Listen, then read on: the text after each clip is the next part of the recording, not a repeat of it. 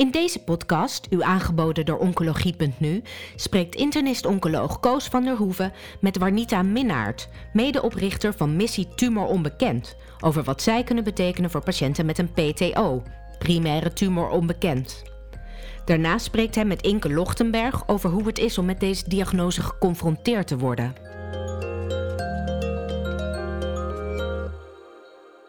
Primaire tumor onbekend. Soms zijn de patiënten die komen in het ziekenhuis of bij een arts met uitzaaiingen van een kwaadaardige tumor. En dan weet je niet waar het begonnen is. En dan zit iedereen met zijn handen in het haar. En dan weten we eigenlijk niet goed wat we moeten doen. Daar is veel aandacht voor de laatste tijd. En daar is ook een, een patiëntengroep voor ontstaan. En dat is een missie tumor onbekend. En de, een van de oprichters daarvan, dat is Wanita Minnaert en daar spreek ik mee.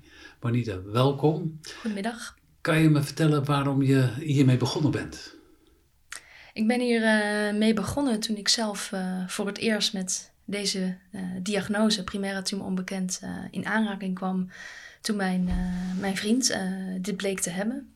Na een lange zoektocht in het ziekenhuis kwam dit er uiteindelijk uit. En um, toen besefte ik niet dat dit zijn eindstadium zou zijn. Hij is er twee weken daarna ook uh, overleden.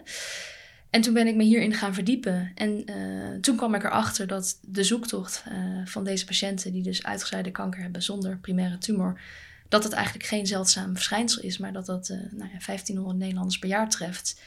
En ik kwam in mijn omgeving ook niemand tegen die dit begreep. En ook van zijn artsen kwam ik erachter dat zij dit ook niet wisten.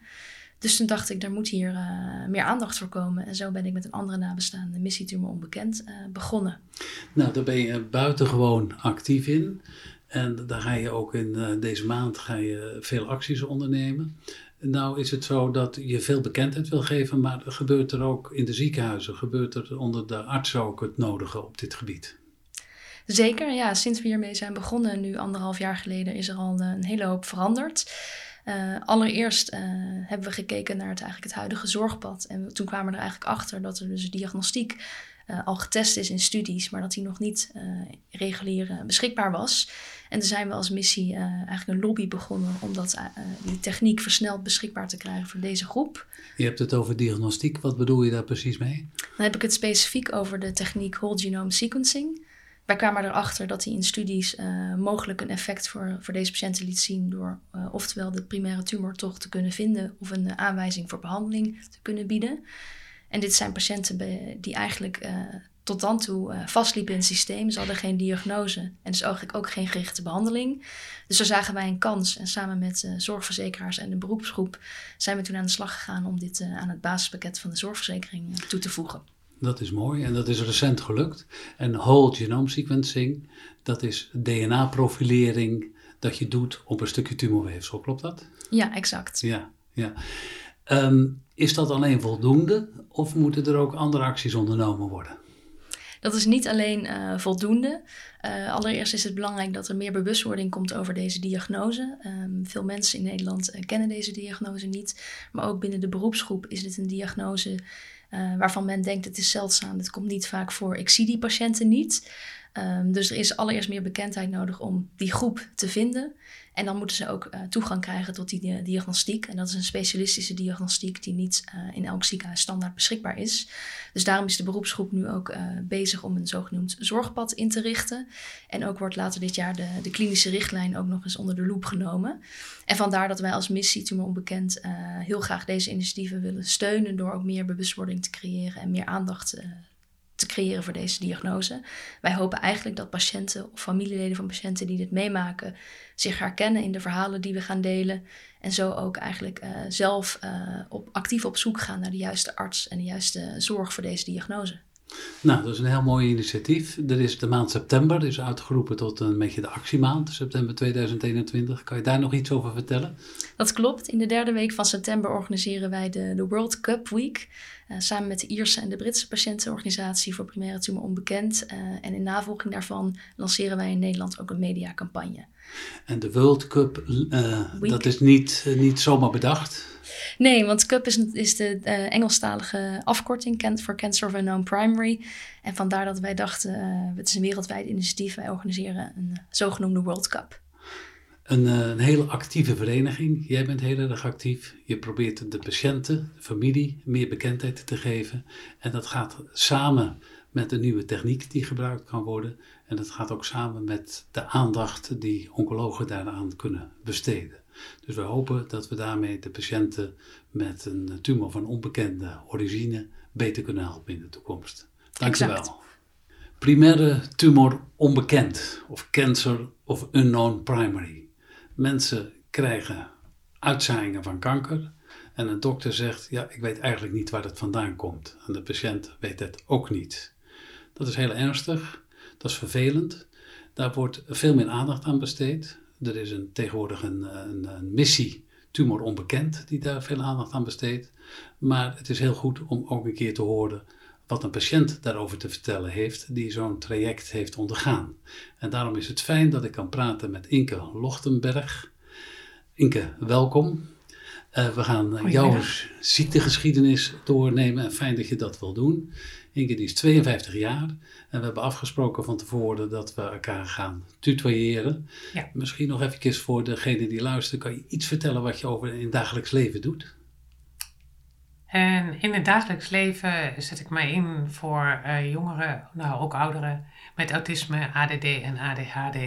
En die begeleid ik in of werk of levensvragen. Ja. En allemaal meer van dat soort uh, onderwerpen. En daarnaast heb ik jaren in het onderwijs gewerkt en zet ik me nu nog in voor de aanpak van het leraartekort in de regio Gooi en Vechtstreek. Nou, dat is allemaal heel belangrijk werk waar we een hele tijd over door zouden kunnen praten. Maar er zijn belangrijkere zaken op dit moment in je leven. Uh, wanneer, wanneer ben je eigenlijk ziek geworden? Wanneer is het traject begonnen? Um, voor mijn gevoel is het um, in januari begonnen. Ik denk dat ik eerder al ziek was. Maar in januari werd het voor mij het meest zichtbaar, omdat ik uh, letterlijk op een ochtend opstond en in de badkamer stond en dacht: als ik nu niet ga zitten, dan ga ik neer. En toen was er al sprake van een klier die in mijn lies zat, die opgezet was. En inmiddels toen sinds twee dagen ook dat ik vocht had bij mijn nek. Ik ga nog even naar die je lies, want die had je al eerder opgemerkt, geloof ik, hè? Ja, dat klopt. Die uh, merkte ik, denk ik, nou ja, twee maanden daarvoor op. Ik vond het wat vreemd. De huisarts heb ik een check laten doen. En die had meer het idee dat het een ontsteking was. Ik dacht, nou, dat zou kunnen. Maar na een maand was hij nog niet weg. En dat vond ik toch bijzonder voor een uh, ontsteking. En uh, toen ben ik teruggegaan. En hij zei toen van, nou, ga even bij de internist langs. En dat heb ik gedaan. En de internist, die heeft wel gevoeld en ik, ja, ik zie me daar nog staan, want zij voelde wel echt en ze zei ook, ja, het is wat verhard, het heeft een beetje een eivorm. Maar laten we bloed prikken en dan spreken we elkaar over een maand. En die maand heb ik nooit meer gehaald, want toen ging het ineens heel snel. Dus eigenlijk die ochtend dat je zegt, ik, ik val bijna flauw. Mm Dan was je al twee maanden daarvoor was je bij de dokter geweest met een, een, een, zwelling in je lies of een bobbel in de lies, een klier in de lies. Dan gaan we even terug naar dat moment dat je je niet lekker voelde. Toen ben je naar het ziekenhuis gegaan. En op dat moment voelde je ook al klieren in de hals. Ja, nou, je kon echt zien dat er veel vocht in mijn hals uh, zat. En dat was echt in twee dagen tijd komen opzetten. Ik, paar dagen daarvoor voelde ik het al wel, maar toen ineens was het heel zichtbaar. En in het ziekenhuis hebben ze meteen een bloedtest genomen en een CT-scan gemaakt. En wellicht nog meer gedaan, maar dat, dat is was ik me niet zo bewust. Ja. ja. En na een lange dag wachten kwam toen smiddags de uitslag dat ze vermoeden hadden van lymfeklierkanker. En dat was omdat er op de CT-scan in je lichaam op meer plaatsen een heleboel vergrote lymfeklieren gezien waren. Exact. Ja. En ze zagen uh, trombose en longembolie. En er waren waarden in mijn bloed die ook aangaven dat er toch wel sprake echt was van kanker. Ja, en als we nou nog even naar je klachten kijken. Mhm. Die ochtend was je niet lekker geworden in de badkamer. En waarschijnlijk werd dat veroorzaakt door de longembolieën die er waren. Yes, ja. dat denk ik wel. Want ik, toen ik één keer bloedverdunners kreeg, knapte ik ziende ogen in ieder geval op. Ja, en die, die longembolieën waren misschien wel weer het gevolg van de ziekte die later gevonden is. Ja, want uh, wat ik begrepen heb is de lymfeklier in mijn hals, die uh, ook uh, kankercellen heeft, Dat die veroorzaakte dat die, eh, dat bloedvat niet meer lekker doorliep. En daardoor ontstonden dus bloedpropjes en uiteindelijk die longembolie. Ja. Nou, zeiden ze tegen je, die CT-scan laat een heleboel vergrote klieren zien. Dat past bij lymfeklierkanker, maar waarschijnlijk is gezegd, we moeten het wel bewijzen. We moeten een stukje weefsel hebben. ja, dat klopt. En ik ben ook meteen gebleven. Ja, En ze hebben de dag daarna eh, een biopt genomen uiteindelijk uit mijn lies. ja. En dat is onderzocht. En toen bleek dat het uitzaaiingen waren. Dus dat het geen lymfeklierkanker was. Ja. Dus het was wel kanker, Ja. maar het waren uitzaaiingen. Ja, Hoe, hoe, hoe werd die boodschap je gebracht? Dus hoe, hoe kwam dat binnen? Ehm, ik moet heel eerlijk zeggen dat ik niet eens meer weet wanneer het precies aan mij verteld is. Ik Ja. weet wel dat ik dacht, dit is een veel slechtere diagnose. Ja, Want dan heb je, een, niet, dan heb je een uitzaaiing, dus je bent al verder in het proces. ja, ja. Want je dacht, als ik nou lymfeklierkanker heb, dat is wel heel erg. Maar er zijn behandelingen voor waar, je, waar veel mensen van genezen. Ja. En nu kreeg je te horen, er zijn uitzaaiingen van iets. Maar konden ze iets zeggen over waar het dan vandaan kwam? Nee, dat werd toen de grote zoektocht. En ik had mezelf geïnformeerd voor lymfeklierkanker, wist ik dat ik niet bij het AVL moest zijn. Maar bij uitzaaiingen ehm, werd het toch een ander verhaal. En toen ben ik bij ehm dokter Marchetti terechtgekomen. Je hebt eigenlijk zelf gezegd, als dit het geval is, dan wil ik voor verdere diagnostiek en behandeling naar het Antonie van Leeuwenhoekhuis. Klopt dat? Ja, want toen hadden ze één keer de term laten vallen van we kunnen de primaire tumor niet vinden. Ja. En dat triggerde bij mij iets. Ja, En daar ben ik toen ook wel eh, naar gaan kijken van wat, hoe kan dat dan en hoe zit dat dan? En toen werd mij ook getipt dat er artsen zijn, oncologen, die hier erg in gespecialiseerd zijn. ja. En toen dacht ik, als die ook in het Antonie van Leeuwenhoek zit, dan wil ik daar naartoe. Daar ben je gekomen. Ja. Hoe ging het toen verder? Nou, daar begon een lang traject van onderzoeken. Ehm, altijd heel zorgvuldig begeleid door dokter Marchetti. Elke keer nam ze weer, weer mee in een stapje. We kunnen dit gaan onderzoeken. Kijken of het daar zit. Hoogstwaarschijnlijk ze waren zich eerst heel erg aan het oriënteren op mijn buikgebied. Dus baarmoeder, eh, darmen, maag, ook blaas, anus. Allemaal onderzocht. En ehm, daar kwam uiteindelijk allemaal niks uit. Ik heb vaak zelf ook mee kunnen kijken op het scherm. Dus je bent eigenlijk binnenste buiten gekeerd. Ja, Maar een primaire bron, waar dan die lymfeklieruitzaaiingen vandaan zouden komen, die kon niet gevonden worden. nee. Nee. En iedere ehm, specialist keek ook weer met mij best verrast van... hé, hey, dit ziet er heel normaal gezond uit. Kan je je nog een klein beetje herinneren hoe lang dat traject nou duurde? Van iedere keer, dit is het niet, dat is het niet, dat is het niet, dat is het niet. Het ging ongeveer met stappen van twee weken. Dan Ja. hadden we weer iets onderzocht en dan kwam er een uitslag. En dan was het nee. Ja, Dus al met al, ik denk in januari ehm, begon het. En ergens in maart hadden we helder van... dat is tot nu toe geen positief resultaat. Uiteindelijk heeft een, een DNA-onderzoek van eh, je tumor, van een biopt, eh, meegeholpen aan, aan de behandeling die je nu krijgt. Kan je daar nog iets over vertellen? Ja, uiteindelijk is er een onderzoek gedaan ehm, in een wereldwijde database om te kijken hoe mijn DNA matcht met vergelijkbare situaties. En op basis daarvan hebben ze kunnen vaststellen dat met 90% zekerheid het in de baarmoederhals moet zijn begonnen. Dus er is een, een- van het biopt is een stukje weefsel, het is een stukje weefsel en daar is een, een DNA-test op gedaan. Dat noemen we whole genome sequencing, dus het hele DNA geprofileerd. Ja, En het, het profiel, DNA-profiel van de tumor, kwam het meest overeen met baarmoederhalskanker. ja. Dat kreeg je te horen. Wat, wat dacht je toen van baarmoederhalskanker? Want waren er enige aanwijzingen dat dat de primaire bron geweest zou hebben kunnen zijn? Nou, ik heb daarin heel erg ehm, mijn vertrouwen gelegd bij de onderzoeken en bij de, eh, nogmaals bij dokter Marchetti. Omdat ik dacht, hoe, hoezo? Eerst snapte ik het ook niet helemaal. Ik dacht met 90% zekerheid. Waarom niet 100%? Ja, we troffen het daar niet. Mijn baarmoederhals ziet er helemaal goed uit. En toch zei ze, moet het waarschijnlijk daar wel begonnen zijn.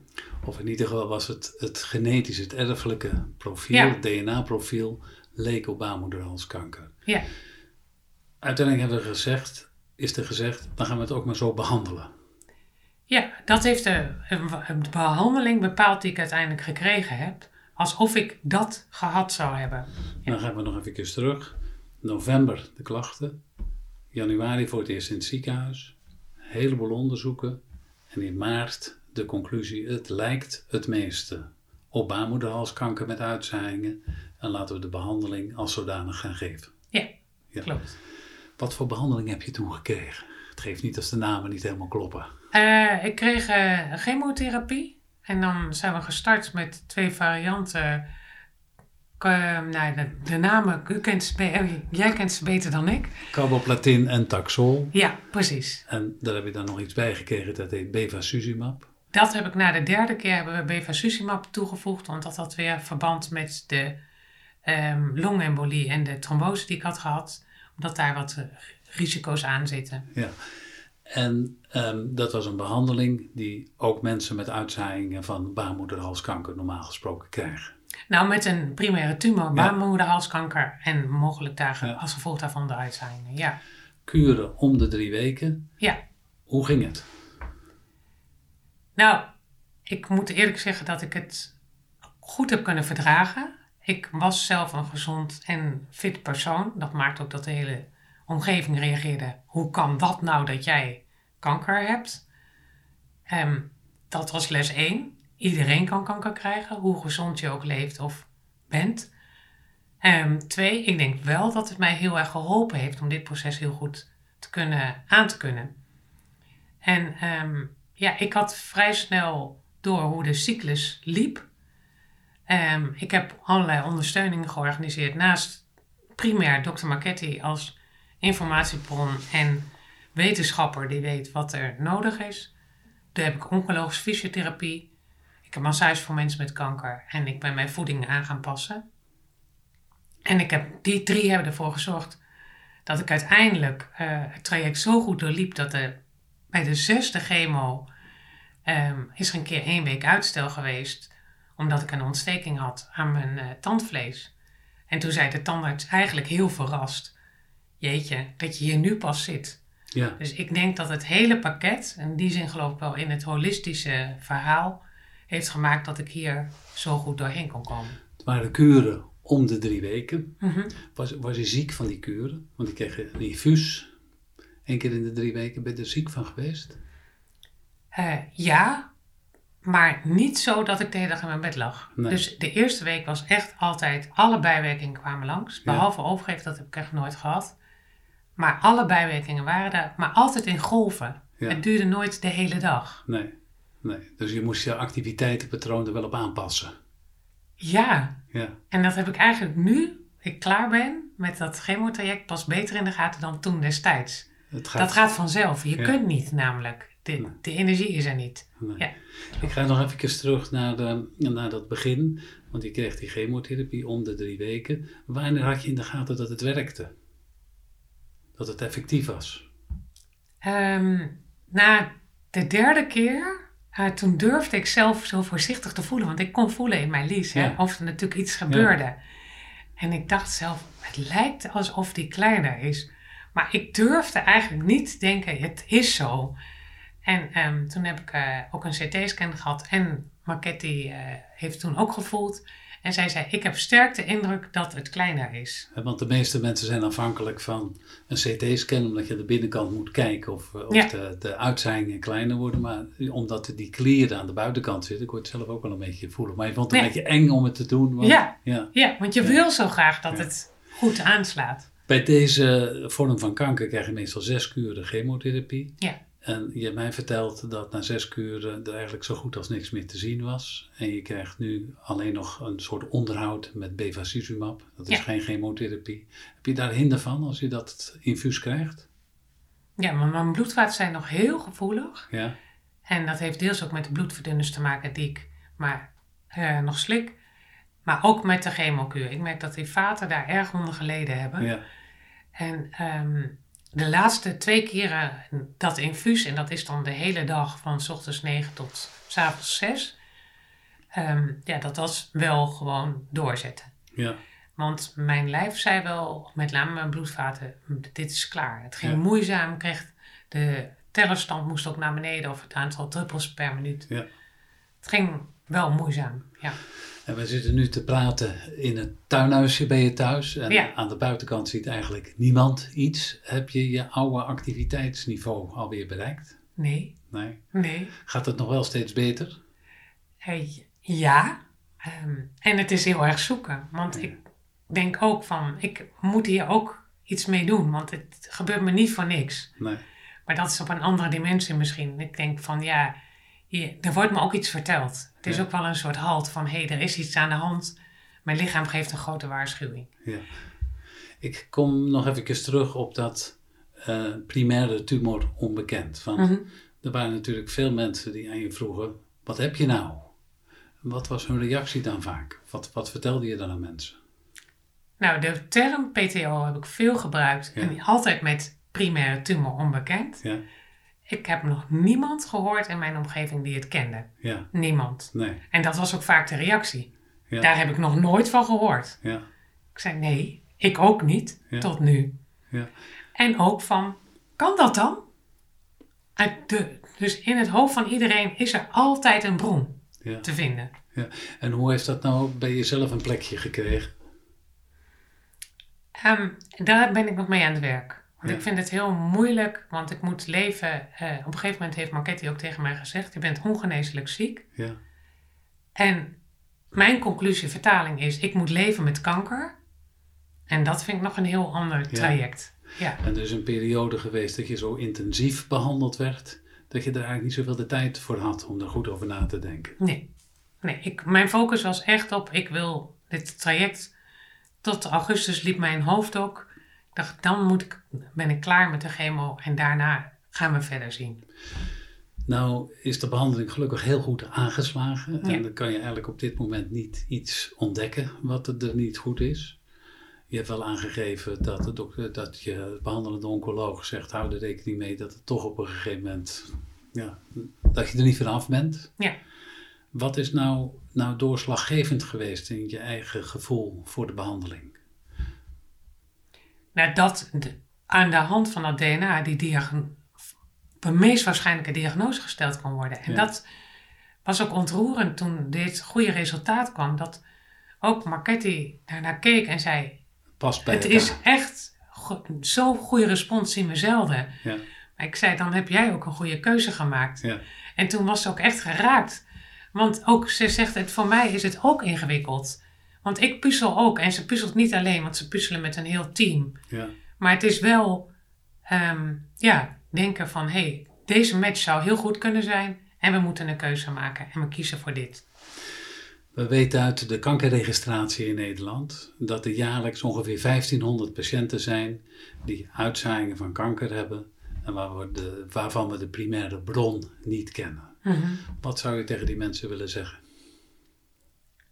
Verzamel een team van mensen om je heen. Te beginnen met een oncoloog waar je gewoon 100% vertrouwen in hebt. En een aantal mensen daaromheen met wie je dit traject aangaat.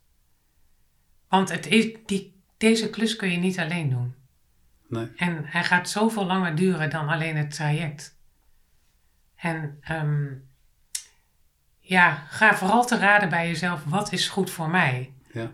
Maar het, het, het is een puzzel. Nou, gelukkig is er meer aandacht voor deze patiënten. Ja, Veel onzekerheid. Er komen ook nieuwe technieken, nieuwe behandelingen. En we hopen dat de prognose van de patiënten hiermee verbeterd kan worden. Ja. En ik vond het erg fijn dat je bereid was dit verhaal te vertellen. ik vond het fijn dat je het verhaal, ehm, nou, dat ik het mocht delen met je. Ja, Dankjewel. dankjewel. Bent u geïnteresseerd in meer podcasts? Deze zijn te vinden op de website oncologie.nu.